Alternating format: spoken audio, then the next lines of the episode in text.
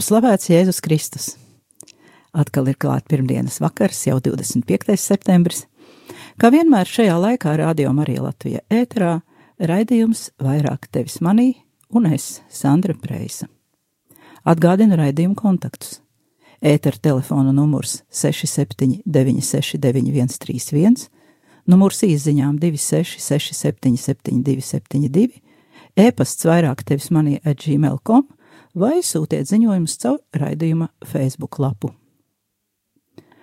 Un tagad lūksimies Dieva tēva un dēla un svētā gara vārdā Āmen. Tās svētī mūs visus, gan tos, kuri pašlaik klausās šo raidījumu, gan arī mani pašu, lai viss, kas šodien izskanēs ēterā, nestu svētību klausītājiem un būtu derīgs garīgajai izaugsmai. Atver mūsu ausis, atver mūsu prātus un garācis, lai katrs spējam sadzirdēt tieši to, kas šobrīd ir mums visvairāk vajadzīgs katram personīgi. Tēvs mūsu, kas esi debesīs, svētīts lai top tavs vārds, lai atnāk tava valstība, tavs prāts, lai notiek kā debesīs, tā arī virs zemes. Mūsu dienascho maizi dod mums šodien, un piedod mums mūsu parādus, kā arī mēs piedodam saviem parādniekiem. Un neieved mūsu kārdināšanā, bet atpestī mūs no ļaunā. Āmen!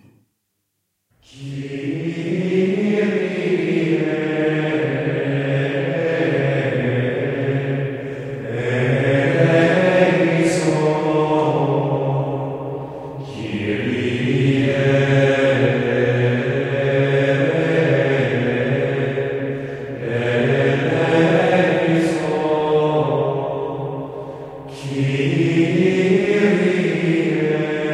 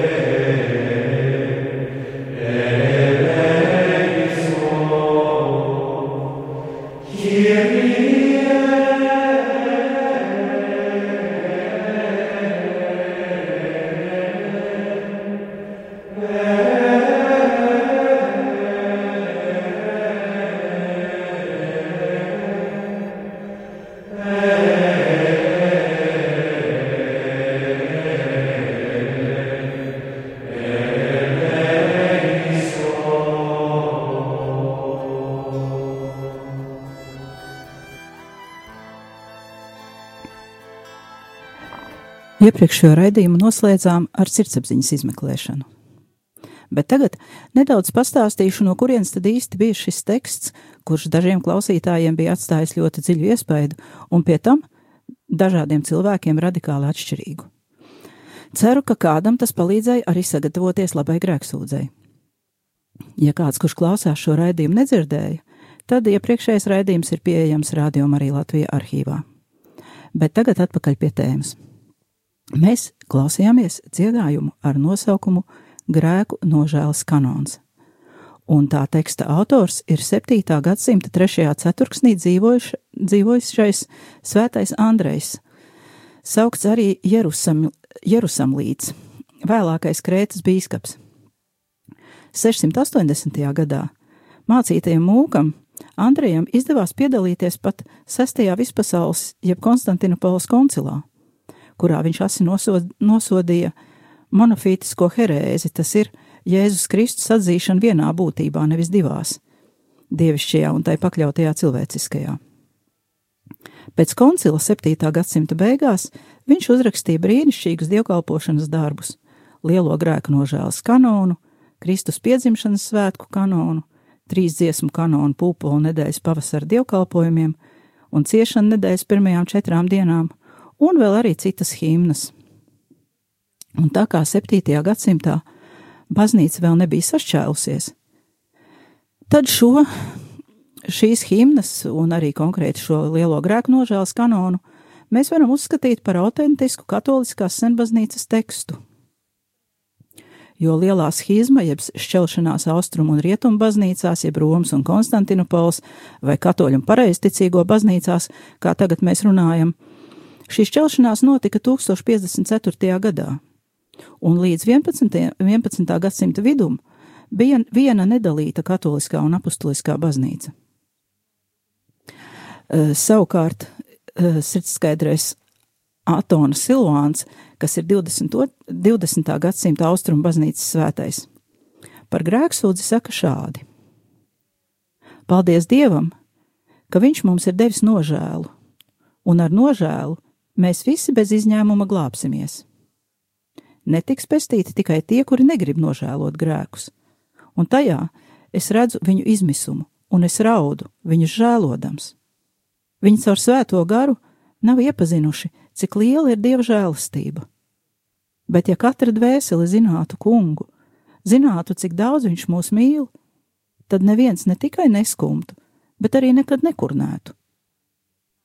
Katrai dvēselē, kura pamat pasauli, jānožēlo grēki, un kungs tos piedos, un tad dvēselē būs prieks un miers, un nevajag citus lieciniekus, jo liecinās pats gars, ka grēki ir piedoti. Lūk, grēku piedošanas zīme.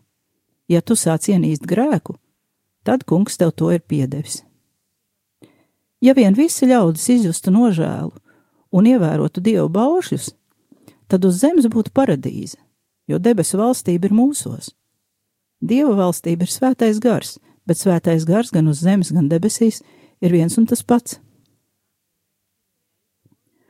Lūk, Izklausās, ka šie teksti par grēksūdzi, gan tas, ko tikko nolasīju, gan arī tas, ko mēs klausījāmies pagājušā reizē, varētu būt rakstīti vienā laikā un nevis ar 13 gadsimtu intervālu. Bet pagājušajā pirmdienā mēs lasījām arī citātu no Akvīnas Toma darba no disputa par patiesību, kas uzrakstīts 13. gadsimtā. Es to biju latviskojis ar angļu valodas palīdzību, un tas skanēja šādi: Stulbums un nezināšana ir tiešā pretstatā dievišķajai gudrībai, jeb sapiencija, un saprašanai, kā tādai, bet netiešā veidā arī visi citi grēki ir tām pretstatā. Cik tālu gudrības un sapratnes likums, kuram jābūt jebkuras darbības pamatā, ir izkropļots caur grēku. Tāpēc katrs ļauns cilvēks ir saucams par tādu, kurš nezina. Un šīs nedēļas laikā man viens priesteris iedeva vēl savu tulkojumu, kurš balstās franču valodas salīdzinājumā ar franču valodu, un viņš tulko šādi: Neprāts un nezināšana ir tiešā pretstatā gudrībai un saprašanai kā tādai, bet netiešā veidā arī visi citi grēki ir tām pretstatā, cik tā gudrības un saprašanas pārvaldīšana, kurai jābūt jebkuras darbības pamatā, ir izkropļota caur grēku. Tāpēc katru ļaunu cilvēku sauc par tādu, kurš nezina jo dažādās vārnīcās dažādi tulkojas šie latīņu vārdi, un šis stulticija, kas manā vārnīcā vairāk bija uzsvērts šis arī šis te stulbums, e, franču valodā bieži tulkojas kā trakums, kā vaiprāts vai neprāts.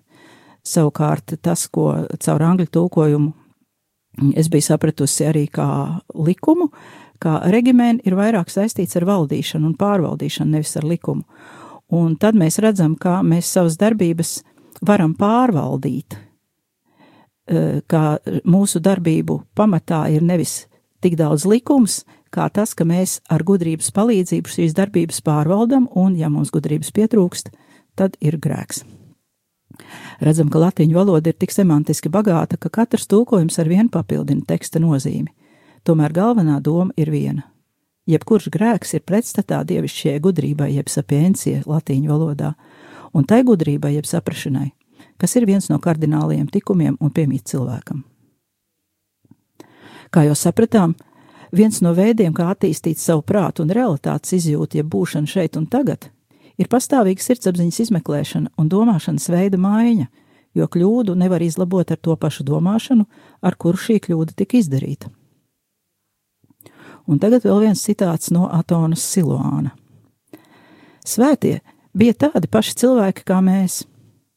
Daudzi no viņiem sāka ar smagiem grēkiem, bet caur grēku nožēlu un prāta izmainīšanu sasniedz debesu valstību. Un ik katrs, kurš sasniedz debesu valstību, dara to caur grēku nožēlu un prāta izmainīšanu, kuru mums dāvāja žēlsirdīgais kungs ar savām ciešanām. Citāta beigas. Tomēr sirdsapziņas izmeklēšanai nevajadzētu būt vienpusīgai, tas ir tikai uz grēku vērstai. Mēs nedrīkstam aizmirst Kristus upuri. Mēs esam atpestītie grēcinieki. Mēs esam aicināti izkopt likumus, pieaugt kalnu svētībās un nevis līdz mūža galam tikai cīnīties ar grēkiem. Tomēr jāsaprot arī, ka domāšanas veida maiņa ir pats grūtākais darbs pasaulē, un to neviens arī Kristus nevar izdarīt mūsu vietā. Un mūsu lielākais ienaidnieks ir mūsu pašu muļķība. Jautājums, no kurienes rodas šī doma par baušļu it kā relativismu un par spriedzi starp bauslību un žēlastību, kā to formulē Ričards Rors savā grāmatā apslēptais 80. lapas pusē. Es domāju, ka viens no iemesliem ir mūsu sabiedrībā valdošais politkorektums un pārprastā tolerance. Tā kā visi kristieši, kuru sirdis ir aizdedzinājusi labā vēsts savā būtībā, kļūst par sludinātājiem, Tad, protams, aktuāls kļūst jautājums, kā sludināt, lai cilvēki mūsu sludināšanu sadzirdētu un nepārprastu. Patreizējā situācija pasaulē, kad sastopamies ar uzbrukošo islāma fundamentālismu, neviļus liek mums baidīties, kā arī mēs nekļūt par fanātiķiem, par fundamentālistiem apkārtējo cilvēku acīs. Tas arī patiešām ir svarīgi, lai mēs neradītu cilvēkos bailes no kristietības un vēlēšanos vilkt paralēlus ar islāmistiem. Tik tālu viss ir skaidrs, patiešām ir jāuzmanās, jo, kā teikts, burts nokauj, bet gars dara dzīvu. Korintiešiem otrā vēstule 3, 3 un 6 pāns. Un arī es šajās pārdomās neaicinu ievērot burtu šajā nokaujošajā nozīmē, bet gan sekot garam, tādam garam, kurš ir persona, un kuru mums atklāja cita persona, Jēzus, kuru mēs saucam par Kristu, jeb kunga svētīto. Šis gars nav kaut kāda neredzama izplūdus substance bez robežām, bet gan svētās trīsvienības persona. Savukārt Jēzus, kuram mēs ticam, ir ļoti konkrēts cilvēks, kurš dzīvojis konkrētā laikā, zemē un kultūrā, piedzimis, dzīvojis vienkārši strādnieka dzīvi citu cilvēku vidū, nomirs un augšām cēlies, kā mēs visi, visdrīzāk tam ticam. Tad kā gan mēs varam sekot garam un nevis burtam? Atbilde ir vienkārša - sekojot Jēzum. Bet, lai Jēzum sekot, viņš ir jāpazīst. Lai iepazītu, pirmkārt, lasīt svētos rakstus, uzmanīgi klausīties lasījums misē un priesteru skaidrojums, lai mēs saprastu baznīcas mācību un nevis aizpeldētu savās fantāzijās. Otrakārt, ņemt nopietni Jēzus vārdus un darbus, iespēja robežās studēt baznīcas mācību, katehismu, pāvestas prediķis un mācības, otrā Vatikāna koncila dokumentus un baznīcas tēvu darbus iespēja robežās. Bet galvenais - lūgties. Pie tam nevis nemitīgi prasīt kaut ko sev, pat ne garīgas lietas, bet vienkārši būt klāt, būt tuvu. Iesākumā varbūt ņemot palīgā bībeles tekstus un mazliet iztēles, lai gan ar iztēli pārāk aizrauties nevajadzētu. Lūgties un gaidīt šo brīnumaino klātbūtnes dāvanu. Tā ir dāvana, un pie tam katram cilvēkam citādāk, jo mēs esam atšķirīgi, un Dievs to zina. Un viņam pietiek visiem. Ļoti laba grāmata par lūgšanu man liekas, ka viena no labākajām, kas ir izdota latviski šobrīd, ir nopērkama pašlaik baznīcu grāmatu galdos. Tā ir kala rakstu izdotā, nesen izdotā Anselma Grīna sarakstītā lūkšana kā sastapšanās. Un šo grāmatu es ieteiktu visiem tiem, kuri vēlas savu lūkšanu izkopt, bagātināt un vispār līdz galam saprast, kas tas tāds ir. Bet tagad neliela muzikālā pauze, un tad turpināsim mūsu pārdomas.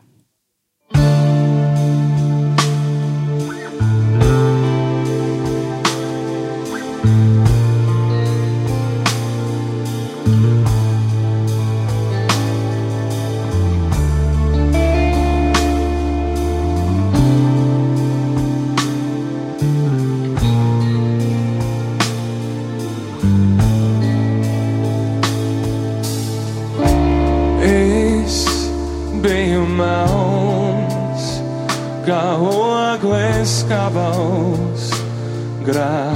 grāka nosmārāts.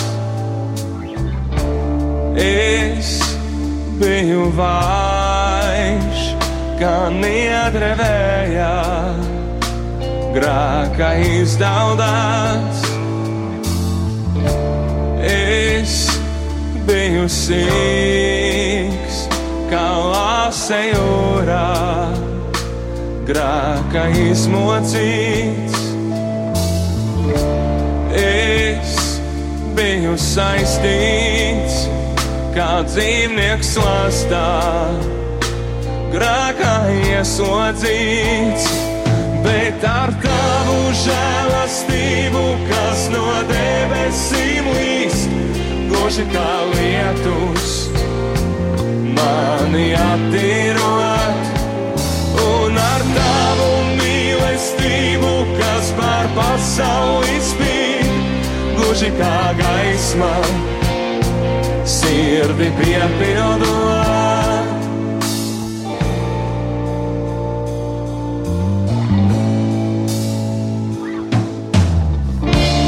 Es biju melns, kā ogles kabals, grāka nosmārāts. Es biju vājš, kā niedrevējā, grākā izdeldāts, bet ar tavu žēlastību, kas no debesīm līst, gluži kā lietus, mani attīrot, un ar tavu mīlestību, kas pār pasauli spīd, gluži kā gaisma, sirdi piepildot. Es esmu tīrs, es esmu brīvs, es esmu tīrs,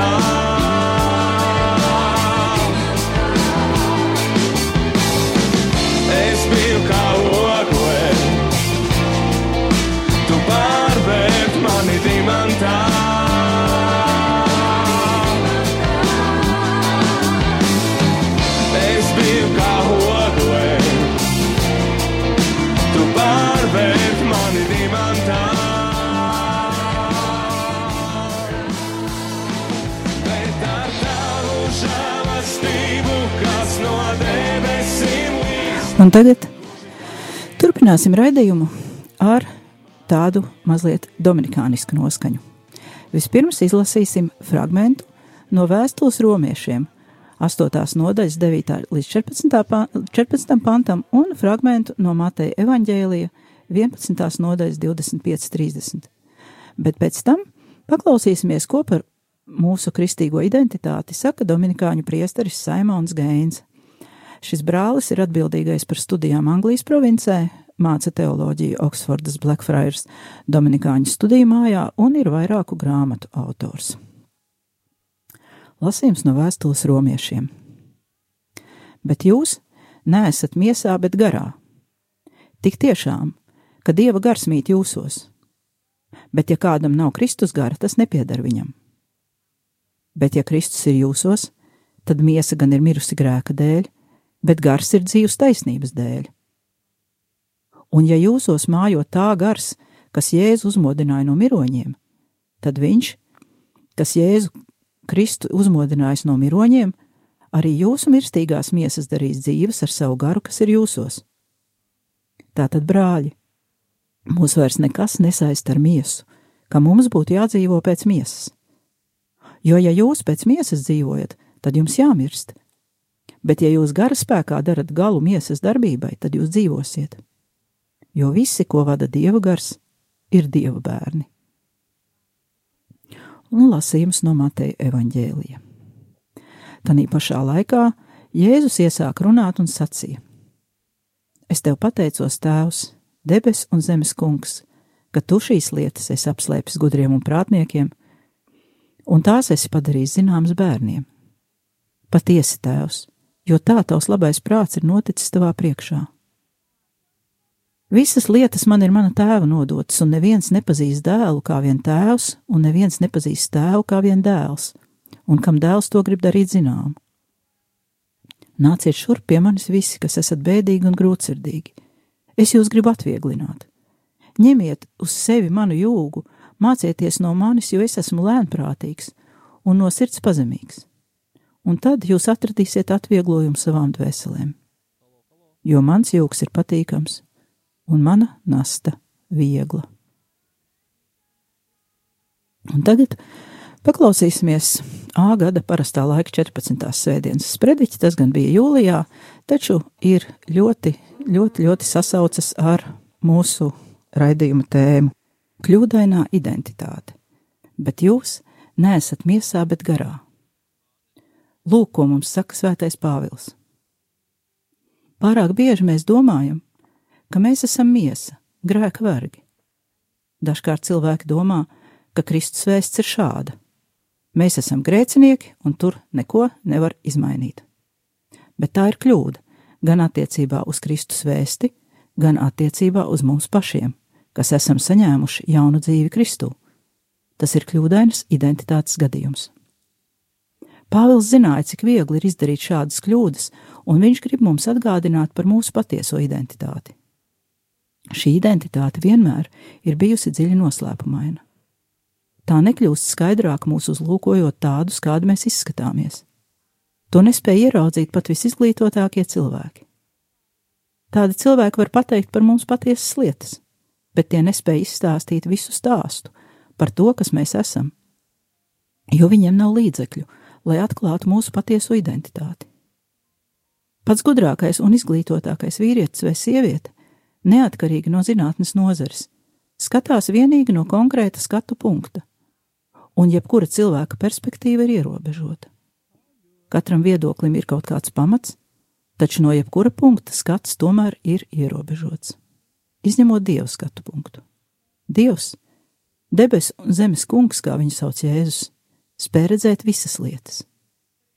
Viņš redz mūs visus, zina, kas mēs esam, un nekas nepaliek apslēpts viņa acīm. Vienīgi dievam ir līdzekļi, lai pateiktu mums, kas mēs esam.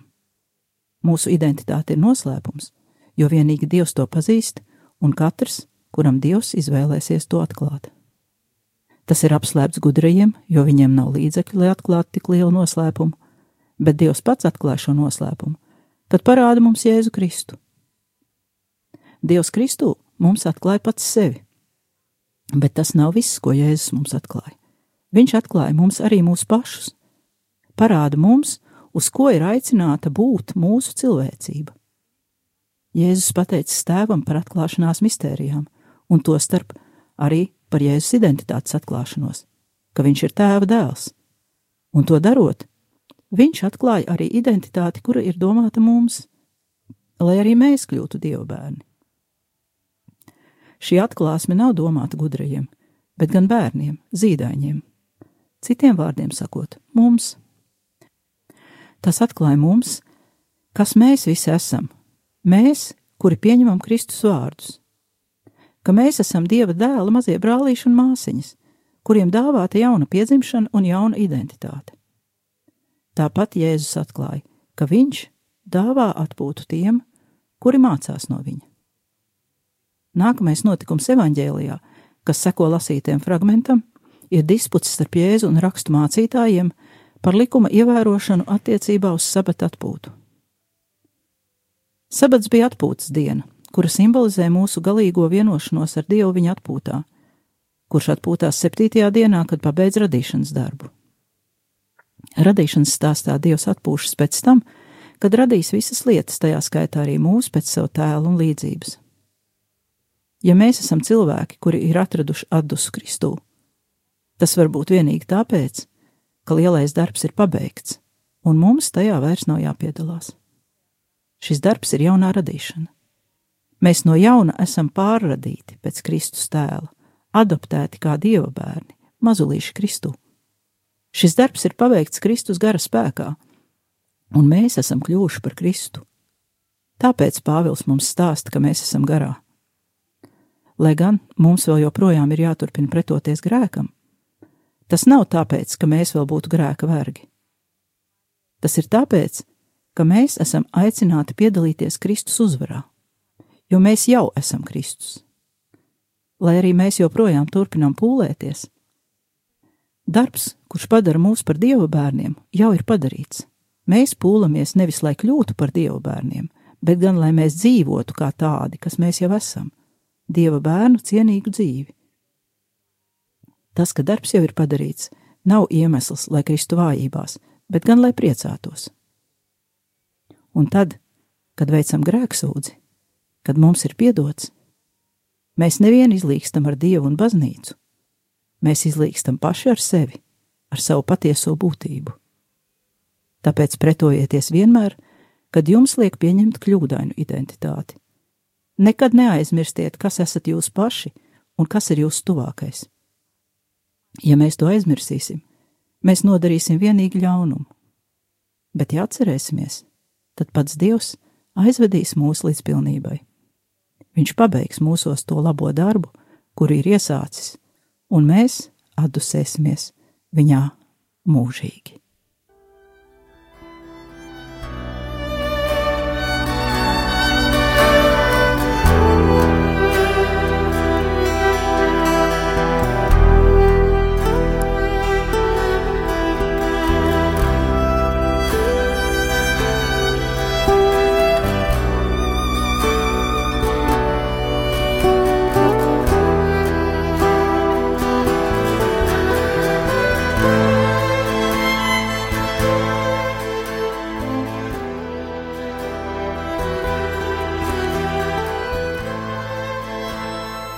Izskan raidījums vairāk tevis manī.